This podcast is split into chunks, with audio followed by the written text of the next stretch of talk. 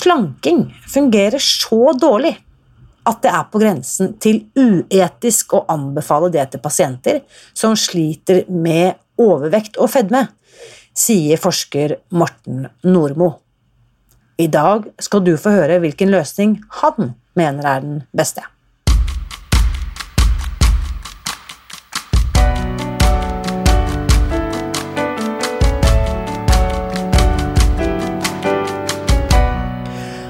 Nordmo er psykolog og forsker og har gjennomført en systematisk litteraturstudie av ikke-kirurgiske behandlingsstudier av overvekt og fedme. Han har også jobbet med spiseforstyrrelser og fedme ved seksjon for spiseforstyrrelser og overvektspoliklinikken ved Haukeland sykehus i Bergen. Og i dag skal du få høre hvilken metode forskerne har funnet ut har best effekt for å behandle overvekt og fedme. Før jeg slipper til Morten, vil jeg gjerne lese opp en tilbakemelding fra en lytter som la igjen denne kommentaren i iTunes eh, tidligere. Hun skriver Podkasten er en vinner for meg, som også digger å lytte i stedet for å lese. Flott å lytte til når jeg er ute og går. Podkasten er også et glimrende supplement til boken Spis deg fri, skriver Berit. Tusen, tusen takk, Berit. Det var veldig hyggelig å høre.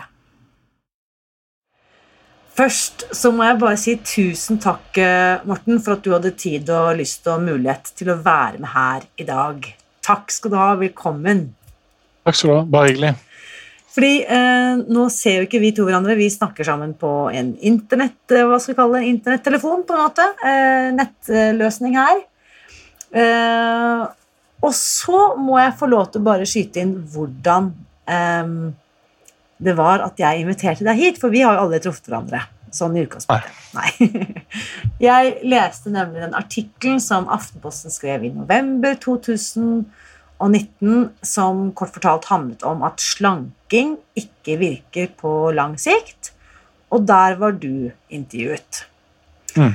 Eh, fortell litt om din eh, bakgrunn, eh, Morten. Hva, eh, om faglig bakgrunn din, for de som ikke kjenner deg psykolog. Og så har jeg forska på litt forskjellig, men av det som er interesse i dag, så har jeg gjennomført en litteraturgjennomgang som handler om eh, Vi så på effekten av eh, forskjellige behandlinger for fedme og overvekt. og så har jeg jobba på Haukeland sykehus med behandling og, av spiseforstyrrelser, og da og utredning av overspisingslidelse hos eh, pasienter med overvekt. Dette høres ut som et enormt fagfelt. Eh, hva, hvordan, for du er jo, som du sa, psykolog. Hva, hvordan, hvordan, fattet du interesse for denne problemstillingen her? Disse problemene, eller disse temaene? Ja, det, var, det var litt eh, tilfeldig at jeg, jeg jobba i Det var i 2016, dette, så jobba jeg eh, som psykolog på eh, Haukeland sykehus. Eh, eh, ja, det var med spiseforstyrrelser var ikke noe av det, det Der bare havna jeg litt sånn. Jeg søkte på jobb der, og det var veldig kjekt. Og så var det også litt tilfeldig at en av de ansatte psykologene måtte ha en 20 %-stilling på poliklinikk for overvekt, som var en Eh, en avdeling på Haukeland sykehus. Da. Eh, og da, siden jeg var den nyeste ansatte, så fikk jeg den 20%-stillingen der, som innebar en hver fredag å utrede overspisingslidelser hos pasienter som var inne da på den overvekstpoliklinikken. Og så, når jeg jobba der, så opplevde at uh, altså Der ga de forskjellige typer behandling. Jeg må minne, at, uh, minne om at dette, dette, var i 2016, så det kan være de har endra uh, alt dette siden den tid. Men akkurat da var det sånn at de hadde en type kurs som var livsstilskurs, tror jeg de kalte det. Som besto av en del undervisning, treningsgrupper ja, oppfølging av både leger og sykepleiere. Og så fikk de òg en eh, samtale med psykolog hvis de ønska det. da. Ja. Eh, og da når jeg var der, så hadde de holdt på med dette her i nord, da, så da hadde de eh, skulle eh, gå gjennom resultatene, eh, langtidsresultatene av dette behandlingsopplegget. Da.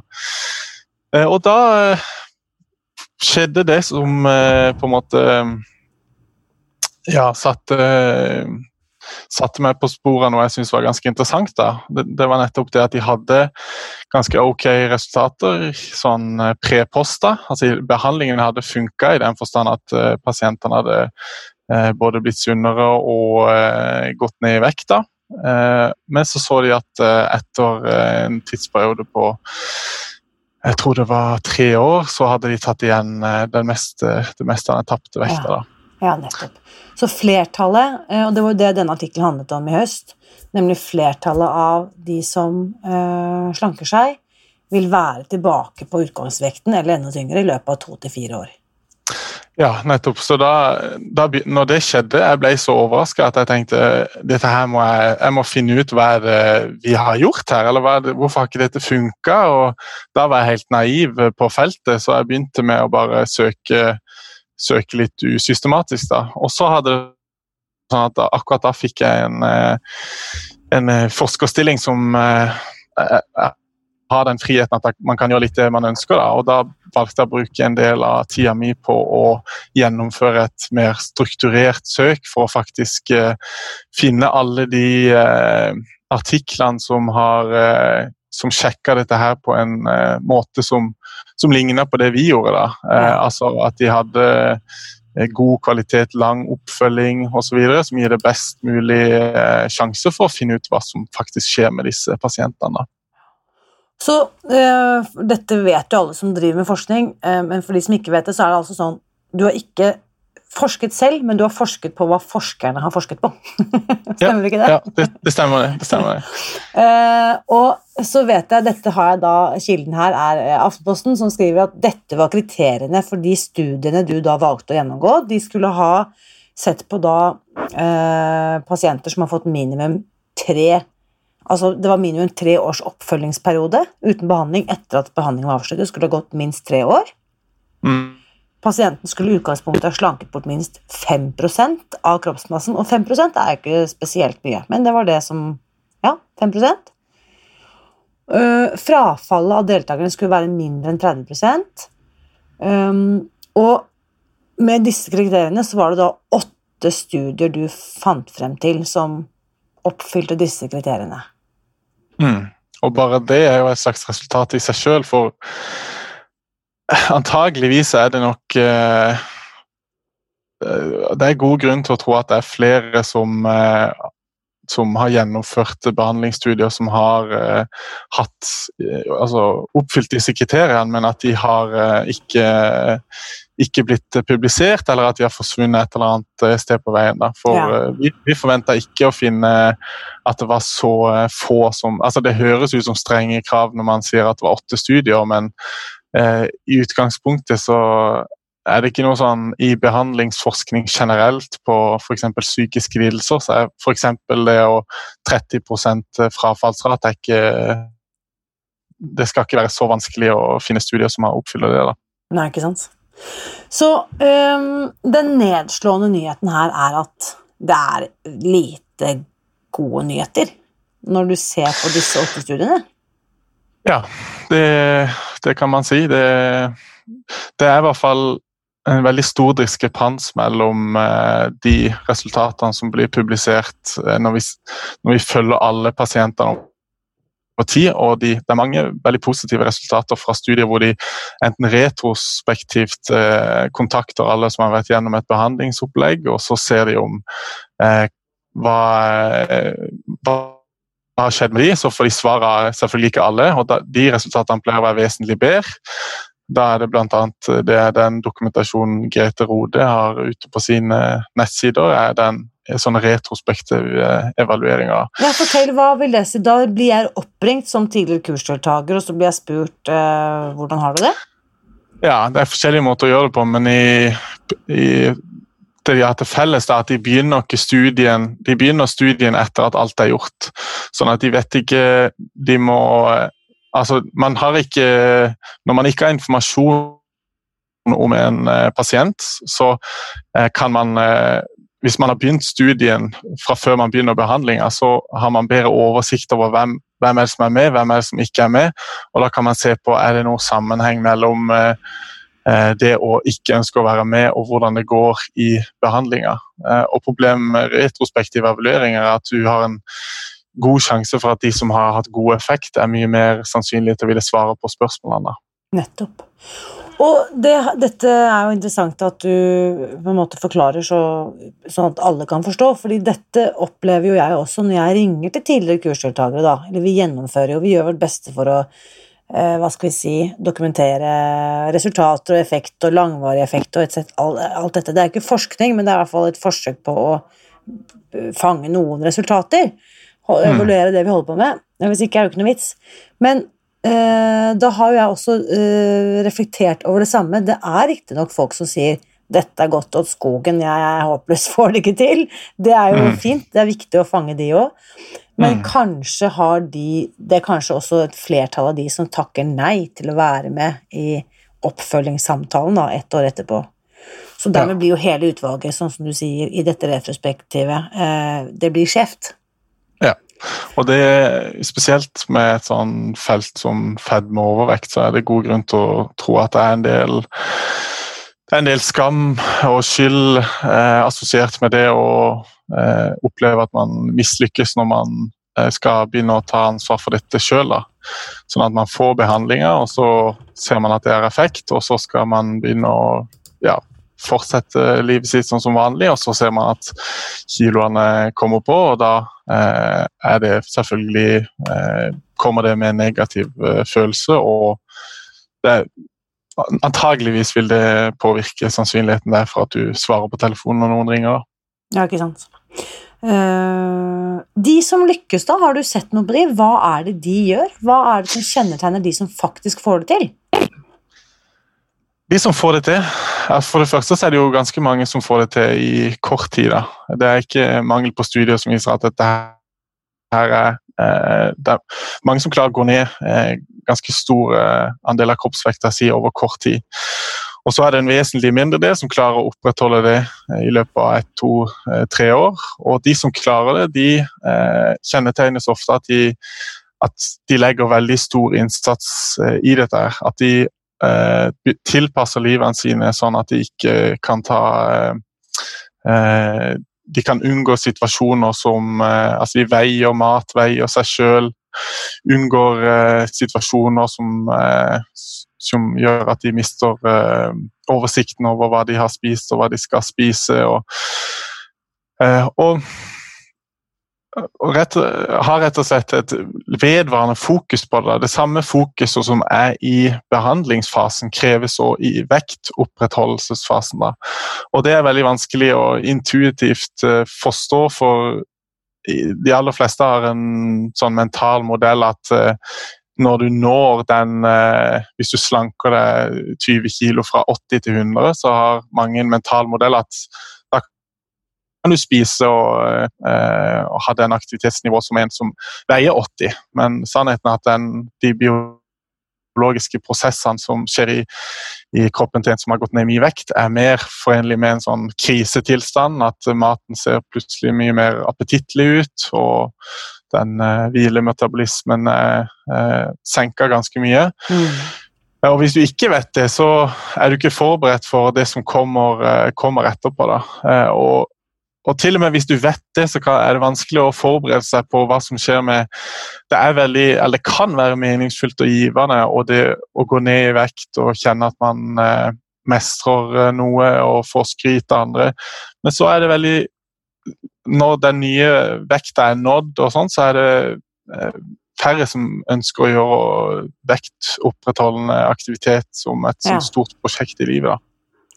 Så det som initialt eh, til å begynne med motiverte og inspirerte deg, det er ikke Hvis du ikke lenger kjenner den kniven på strupen fordi at eh, du ikke lenger er dødelig syk, eh, så forsvinner noe av motivasjonen nå?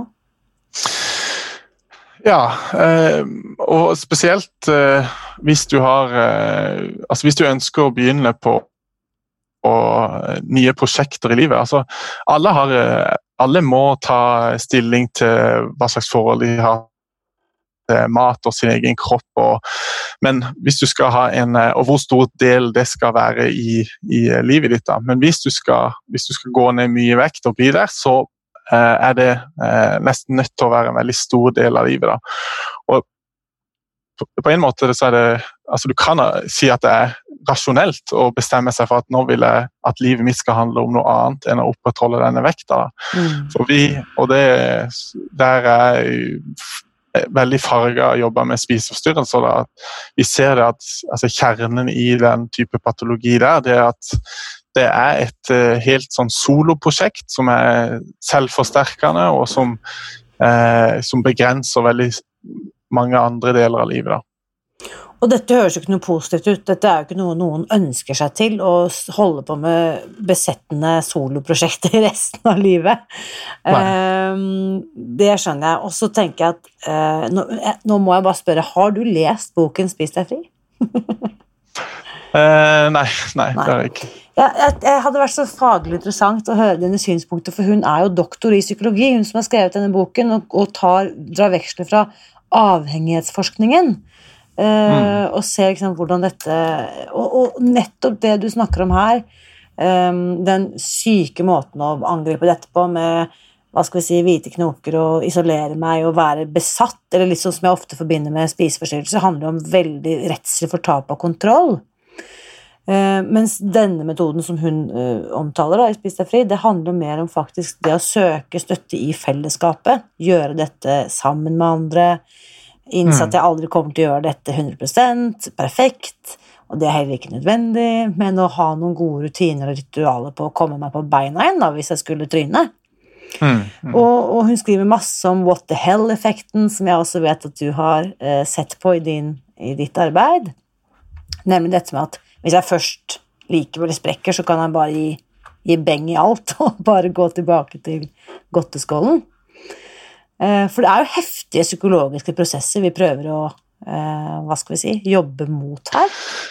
Ja, absolutt. De er heftige, og de er, eh, de er skrevet i vår genetiske kode. De gode De har en god forståelse av altså, Mat er selvfølgelig viktig for alle organismer, men det er veldig få som tenker at, at vi mennesker har, at vi så, har så mye fettvev sammenlignet med andre dyr. Pga. de andre har pels, og vi kan ikke se. Men eh, hvis du ser bilder eh, av dyr, f.eks. apekatter som har barbert eh, håret sitt, så ser man at de har nesten ikke kroppsfett. Og Spørsmålet er liksom, hva, hva, slags funksjon har det fettet for oss. Og det, de, det, er mange hypoteser, da, men en av de er at når vi begynte å kunne gå lengre distanser, så er det mer sensitivt for endringer i mattilgang. Og en kjempestor hjerne som krever, krever kontinuerlig næring, den er veldig sensitiv for at eh, kroppsvekta begynner å gå nedover. Eh, så det ser ut som at vi har en eh, nedarva predisposisjon mot å eh, få en kjempereaksjon når eh, vi går ned i eh, vekt. og den det er selvfølgelig uetisk og alvorlig slanke mennesker å se hva som skjer, men vi har f.eks. et studie som, hvor de så på eh, amerikanske soldater under andre verdenskrig. Så slanka de, de de, veldig mye for å se hvordan de kunne best mate de opp. da. Og Blant de så, så de at eh, veldig mange hadde et eh, vanskelig forhold til mat. og mange ble, altså Flere enn du ville anta ble overvektige etter den, eh, etter den enorme eh, slanke påkjenninga de hadde i forbindelse med det eh, eksperimentet. Ja. Og da er det jo akkurat det som veldig mange av oss som har vært overvektige eller slitt med overvekt, har erfart, nemlig at vi slanker oss tjukkere. Ja, det er, det er min største For jeg er ikke så Jeg har ikke noe eh, alle må, alle må, få lov å velge hvordan de skal legge opp sitt eget uh, liv og diett. og hvis, hvis, man ønsker å slanke seg, så er det selvfølgelig uh, helt fritt fram til å gjøre det. Men uh, jeg ønsker at når man tar den beslutninga, så skal, skal, det gjøre fra et uh, grunnlag at man forstår hva som skjer etterpå. Da. Mm. Og da er det spesielt viktig at det er ikke et sånn Det kan være en kostnad her i at, at man ender opp tykkere enn det man var når man begynte. da. Og Det er veldig vanskelig å dokumentere på en, og se gjennom hele litteraturen. for det er enda vanskeligere å få folk til å ville eh, publisere forskning som viser at de faktisk har eh, gjort at pasienter sine har gått opp i vekt. Men når vi ser på f.eks. studier av hvis vi ser på eh, idretter hvor man har vektklasser, hvor folk periodevis slanker seg ned for å nå vektklassen, så ser man at de i snitt er tyngre enn de uh, som deltar i sporter hvor det ikke er vektklasser. Eh, og så ser man at til og med kontrollert for genetikk, så er det en direkte sammenheng mellom det å ha sånn slanke, et slankeønske om å gå ned i vekt, og eh, senere overvekt. Ja. Og Det er jo paradoksalt, for du vil jo tro at ja, siden de har en idé om at de skal gå ned i vekt, så skal de, da vil jo de være lavere i vekt senere, da. Men det er det, da er det motsatt. og da mm Antageligvis henger det sammen med at de har gått ned i vekt, og så har de eh, ikke tatt igjen den tapte mm. vekten. Og da hvor Altså, dette her er en uh, fin balanse, og når det skal lande på en ny kroppsvekt, uh, så er det uh, ofte over der de opprinnelig begynte. da. Ja, ikke sant. Dette kan jeg skrive under på, er helt sant. Og det, det du sier i det Aftenposten-intervjuet um, Dette er sitat, Morten. November 2019. Du sier i det intervjuet å promotere slanking som behandling for voksne pasienter som sliter med overvekt, er på grensen til uetisk når vi vet at det har så dårlig effekt. Er det korrekt sitert?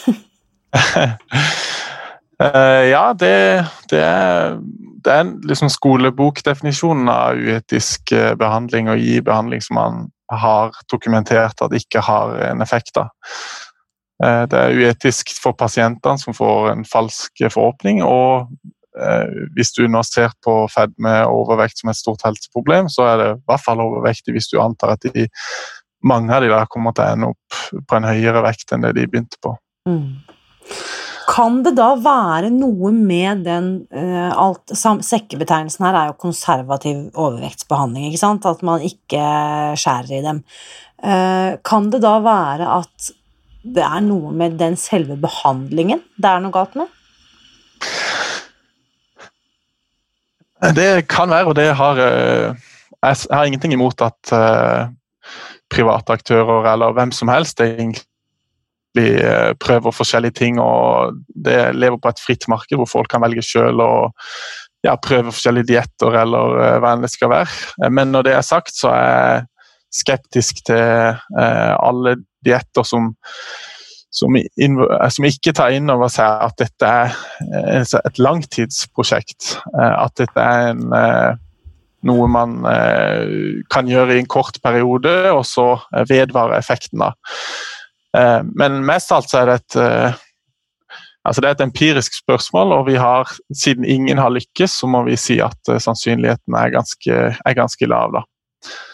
Fordi, Nå snakker du med en person som har 0,0 vekttall i medisin, 0,0 vekttall i psykologi. Jeg hadde vel kanskje et valgfag på videregående, men det strekker og stopper der. Så tenker jeg sånn, Er det ikke da bare å se på hva, hvordan folk spiste for tre generasjoner siden, og kopiere det, for da fantes det jo ikke overvekt. Knappast, ikke sant? Jo, ja, det er det. Eh, er det ikke egentlig bare å titte tilbake og se i bakspeilet? Hva gjorde de da, når kvinner på 20-tallet 1920-tallet hadde altså eh, snitt-BMI på 21,5? Jo, men det, det, blir for å forhindre ny vektoppgang. Og der er intuisjonen til de aller fleste helt eh, spot on, er mitt inntrykk. Altså, hvis du ønsker å forhindre overvekt, så er det å legge seg til en eh, sunn uh, diett uten for mye prosesserte karbohydrater osv. Da fungerer det helt fint, og det vet vi. Det er nettopp det som er en av uh, kampsakene mine. Å si at vi er veldig gode til å forhindre eh, overvekt. Men det er ikke det samme som å eh, gå ned i vekt når man først har blitt eh, overvektig. Det er to helt forskjellige spørsmål. og det, Å legge om den dietten til, eh, til eh, en mer eh, ja, sunnere 19, ja, tidlig, tidlig på århundretallet diett, det, det kan hjelpe. Du vil mest sannsynligvis oppleve at du går ned Hvis du er overvektig, så vil du mest sannsynligvis oppleve å gå ned litt, da, eh, altså et par kilo. Eh, og så merker du at nå må du eh, begynne med mer restriksjon for å gå ned lengre i, i vekta. Jeg må bare si, eh, eh, her vil jeg påstå, da, igjen med min uakademiske bakgrunn, her tar du rett og slett feil. Altså, Vi ser jo det daglig, at folk som legger opp kostholdet, de går ned all sin overvekt og blir der. Det, ja. Men det jo, eh, dette må vi komme tilbake til, for det, det du også sier i den artikkelen, er at det, den beste løsningen for å oppnå et stabilt og stort vekttap er slankekirurgi. Mm. Ikke sant? Mm. Hvis du er i kategorien eh, sykelig overvekt, eh, sykelig fedme eh, Jeg tror utgangspunktet her er over 35 i BMI, stemmer ikke det? Jo, det er vel eh, det er litt forskjellig, men unntaksvis er det, det er i hvert fall under 40 og unntaksvis 30, uh, over 35. Ja, Så dette er uh, mennesker som har mange mange kilo ekstra. Uh, for dem vil den beste løsningen for å oppnå et stabilt og stort vekttap være slankekirurgi. Og hva slags reaksjoner har du fått etter at dette sto på trykk? Akkurat på den med det, det, er ofte den med bariatrisk kirurgi som skaper, skaper de største reaksjonene, nettopp pga. at de aller fleste har en naturlig eh, skeptisisme og negativ reaksjon når det gjelder å eh, ha så store eh, kirurgiske inngrep for noe som de opplever er ikke altså kan behandles på andre, eh, på andre måter. Og det, den, eh, den altså de konsekvensene det er, og bivirkningene og potensielle skadevirkningene eh, det er med å ta en slankeoperasjon, de er reelle.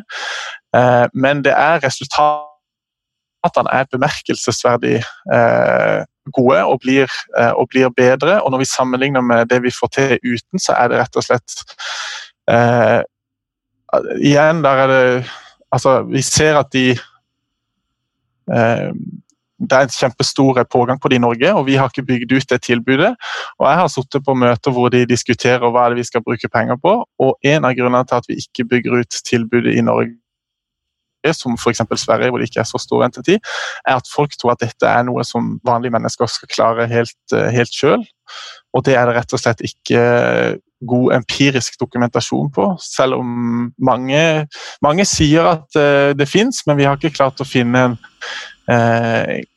en god, uh, robust studie som viser at det er et behandlingsopplegg hvor folk kan komme inn, få en type behandling og så dra sin vei, og så har det vedvarende effekter. Vi vet at hvis vi følger de opp hele livet, legger de inn på sykehuset en gang i året og ukentlige oppfølginger med fastlegen, det fant vi i vår studie òg, at da er det noen eh, som ser ut som de har god effekt, men det er ekstremt, koster ekstremt ekstremt mye, eh, og ikke, det er ikke praktisk gjennomførbart på en stor skala.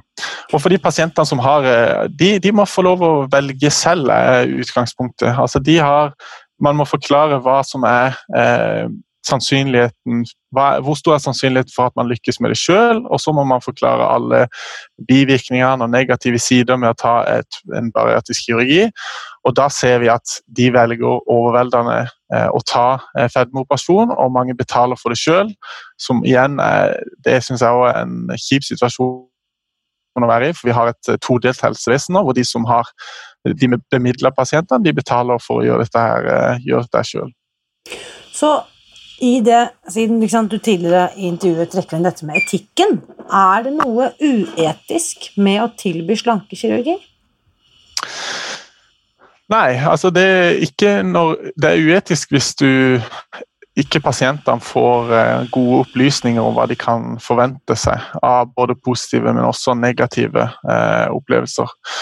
Eh, og de eh, men, min erfaring, og det her er ikke noe ekspert, men av de jeg har hørt som har gjennomgått dette, så har de fått god informasjon om eh, hva de kan forvente seg av ernæringsproblemer og mulige bivirkninger, og til og med alvorlig sykdom og, eh, og død. Eh, og når de får den informasjonen der, så er det da er det absolutt. Absolutt innafor, gitt at dette er et problem som veldig mange ønsker hjelp og behandling for. Det, det vet du. Du øh, kjenner jo øh, sikkert mange av psykologene på dette fagfeltet, og, og de, de, har jo fortalt at pasientene er så besatt på å få denne løsningen, så de lyver seg også gjennom disse opptakskriteriene. For hvis du har historikk med øh, Nå vet jeg ikke hva som er alle kriteriene, men jeg vet bl.a. at hvis du har historikk med eh, rusmisbruk eller psykiatriske lidelser, psykiske lidelser eller eh, depresjon etc., så er du faktisk ikke kvalifisert. Men det er nesten som i dette asylfeltet at folk vet hva de skal svare for å kvalifisere, og dette sitter pasienter og gjør på disse intervjurundene med psykologer før, forut for slankekirurgi. Um, og da er jeg nysgjerrig på hvorfor er dette en beslutning der pasienten skal gi et samtykke? Hvorfor er det i det hele tatt noe som For da blir jo også pasienten Dette er jo noe kirurgen også sier selv. Eh, pasienten har gitt et eh, informert samtykke til denne behandlingen. Jeg bare lurer på, Hvis slankekirurgi er den eneste løsningen, hvorfor er det ikke bare kirurgen som kan skjære gjennom og si at nå gjør vi dette, dette må vi gjøre for å redde liv og helse?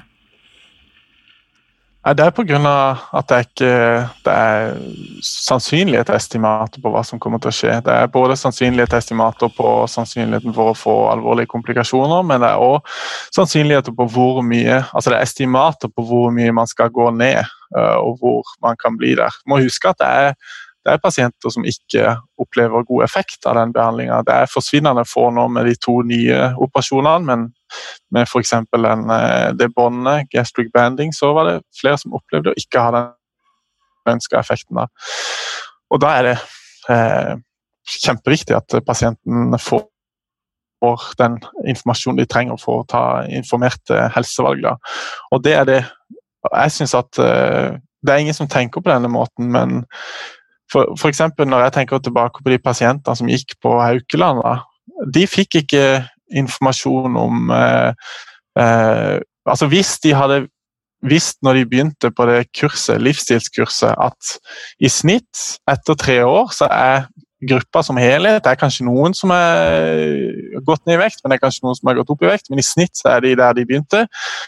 Så tror jeg veldig få hadde eh, vært der. Og ja. jeg tror de aller fleste hadde sagt at da da vil jeg tenke liksom annerledes på dette. her. min og min kampsak er ikke at folk eh, skal ta så mye ta bariatrisk kirurgi, men heller eh, prøve å bli sunne med litt overvekt. Mm. Det er, en, det er et veldig godt her, utgangspunkt. Mm. Her har vi en situasjon nå hvor det er så de to konseptene, fedme og sunnhet, er ekstremt tett forbundet. Men det, det er veldig få som vet at de, de to uh, ideene henger ikke så tett sammen som man skulle tro. Altså, for så er det ingen sammenheng mellom dødelighet i uh, personer som er uh, i god fysisk form, på tvers av overvektskategoriene.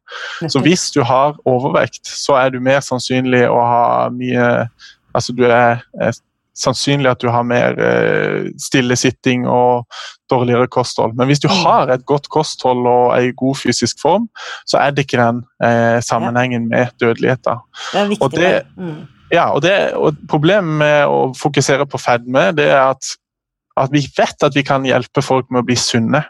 Mest sannsynlig så vil de òg gå ned eh, litt, et eh, par kilo i, i, vekt, hvis de legger om kostholdet til å å inkludere mer frukt og grønt osv. Og, så og trening, mm. trening er jo Hvis du er overvektig, så trenger du trening. Eh, det er det ekstra viktig å ha god, eh, god, fysisk form. Men problemet er når vi eh, framer dette her som at det handler om vektnedgang, så vil de oppleve at de klarer det en stund, og så klarer de ikke. Og da er jeg redd for at de sunne vanene forsvinner ut med, eh, med eh, vekt, at vekta går opp. da. Og det har man jo sett mange eksempler på, så det, det skjønner jeg jo at den frykten er der.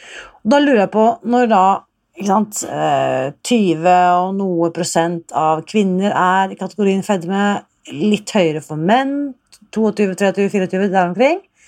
Syv av ti nordmenn sliter med overvekt. Da er jo disse fedmetallene regnet inn der, da, men hvem er det som har ansvaret? Er det pasienten? Er det fastlegene som ikke kommer opp med gode nok løsninger? Er det psykologen? Politikerne? Hvem er det som har ansvaret?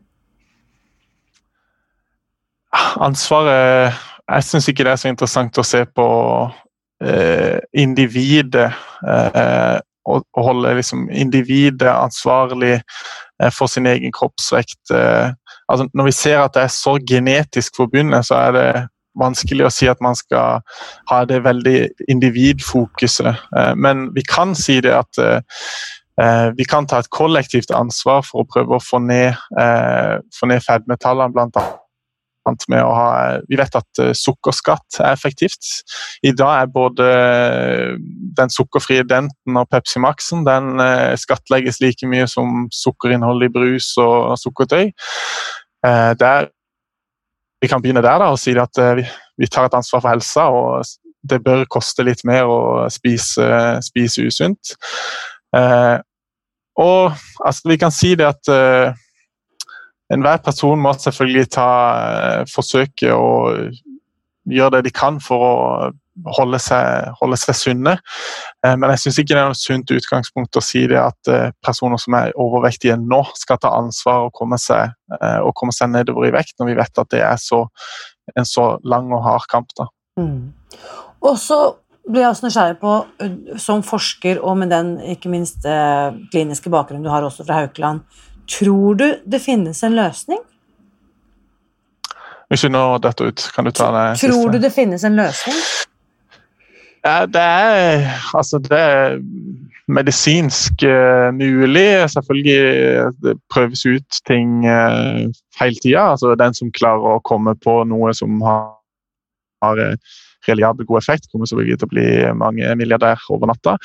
Eh, men jeg tror, at, eh, jeg tror at vi løser dette problemet med å, eh, med å si at vi skal begynne å og her, her syns jeg Helsedirektoratet og Helse-Norge generelt kan gjøre en mye bedre jobb ved å si at vi skal prøve å koble av overvekten fra usunnheten, og at vi skal si at vi skal prøve å forhindre ny overvekt. Og prøve å men ikke fokusere på å eh, prøve å få folk som er overvektige, nedover i vekt. Det tror jeg vi kan løse. og Så kan vi behandle barn sin overvekt. Nesten eh, Veldig mange som sliter med overvekt som voksne, var allerede overvektige som barn. Mm. Og der kan vi, de kan vi behandle effektivt. Og, og, til slutt så vil jeg si, og det er bare min eh, personlige mening, og der må alle selvfølgelig ha sin egen. Men jeg syns at vi skal eh, Det helseetiske riktige er å bygge ut tilbudet for bariatrisk kirurgi, sånn at vi har de som tilfredsstiller kriteriene sånn som vi har det i dag, eh, har muligheten til å gjennomføre det. Men der er det, der er, det er ikke noe det, det er en politisk beslutning, da. Ja. Ja, absolutt. Verdivalg, etisk, ikke sant. Det er mange, mange ting som spiller inn der. Um, vi er jo da, som nevnt, en stor gjeng, og stadig større, som uh, har opplevd og opplever å gå ned all vår overvekt. Mange har gått ned 10 og 20-30 BMI-poeng. Altså Vi snakker om folk som kommer fra BMI over, uh, over 40 og 50, som går ned all sin overvekt og fedme ved å spise tre måltider og frukt og grønt og kjøtt og fugl og fisk og yoghurt og nøtter og frø. Eh, altså helt vanlig mat i moderate mengder. Og bli der. Eh, nå er jeg inne på år fem, ikke sant? Er det interessant å forske på oss og se hva vi gjør for å lykkes? Ja, selvfølgelig. Det, det er interessant. Det, det, er bare å eh, Altså, det viktige her er at eh, det må gjøres med en viss sånn, som jeg nevnte i begynnelsen, så må det være en viss sånn systematikk i at du vet at de pasientene eller de personene du eh, har inne på programmet, at du har oversikt over eh, hva som skjer med de da. Mm. Eh, men så må vi òg hvis, altså her må vi Hvis vi skal på en måte finne ut om den type behandling skal fungere, så vi også, må vi òg prøve å gi det til mennesker som har altså pasienter som har varierende grad av å bare ta pasienter som er supermotiverte. Altså, vi må ha en idé om at dette skal funke for vanlige, vanlige folk. Da. Men i utgangspunktet så er det alltid Eh, altså Hvis du eh, noterer deg ned hver person som eh, begynner på programmet og følger de opp over tid, så er det, det er ikke noe magisk i hva som skal være god forskning her, så lenge det er robust gjort. At du ikke mm. mister av personer langs veien, og at du faktisk får tak i alle som har vært med, så er det selvfølgelig interessant. Da ringer jeg deg opp igjen, Morten, og så ja. Nei, men for, altså, jeg er helt seriøs. Det er dette jeg på en måte har tatt som top of agenda de siste tre årene. ikke sant? Å finne noen som faktisk kunne vært interessert. Og det er mange som er interessert og nysgjerrige. Men det er jo selvfølgelig alle de strukturelle tingene som må på plass for å få til gang et ordentlig forskningsprosjekt med alle de kravene som ligger der. Mm. Eh, for hvis det skal ha noen verdi utover at vi kan slå oss selv på skulderen og si at se hva vi får til, så må det gjøres ordentlig tenker jeg da. Mm. Men dette var en fantastisk spennende samtale. Jeg er veldig glad for at dette arbeidet gjøres også, for dette trenger vi alle sammen å vite mer om, så vi også vet hva som ikke fungerer. Ja. Mm. Tusen takk for uh, praten. Bare hyggelig. Bare hyggelig. Hva tenker du etter å ha hørt dagens intervju med Morten Nordmo? Jeg føler i hvert fall at dette temaet er ikke ferdigsnakket. Så hvis du vil være med i den videre samtalen, så bli med over i den åpne Facebook-gruppen vår Spis deg fri. Og hvis du har lyst til å lese litt mer om hva som faktisk ligger til grunn for Spis deg fri-metoden, så minner jeg om at du kan lytte til hele boken i første sesong av denne podkasten, eller gå til nettsiden vår hvor du kan laste ned de første kapitlene og forordet helt gratis. De finner du altså på spisdegfri.no skråstrek miniboken. Neste søndag da gjør vi igjen et stort sprang. Da får vi nemlig besøk av Karin Mæland, som både er lege og forfatter. Men det skal verken handle om skriving eller medisin, for det Karin brenner for, er indisk filosofi. Så jeg kan love deg at det blir en samtale som vil favne mye mellom himmel og jord. Og Hvis du har tanker eller innspill etter å ha hørt dagens episode, blir jeg også veldig glad hvis du vil skrive en vurdering eller omtale i iTunes. For mitt motto er jo at gode nyheter er skapt for å deles. En måte du kan bidra på, er altså å legge inn en kommentar i iTunes. Husk også at jeg heier på deg. Alltid.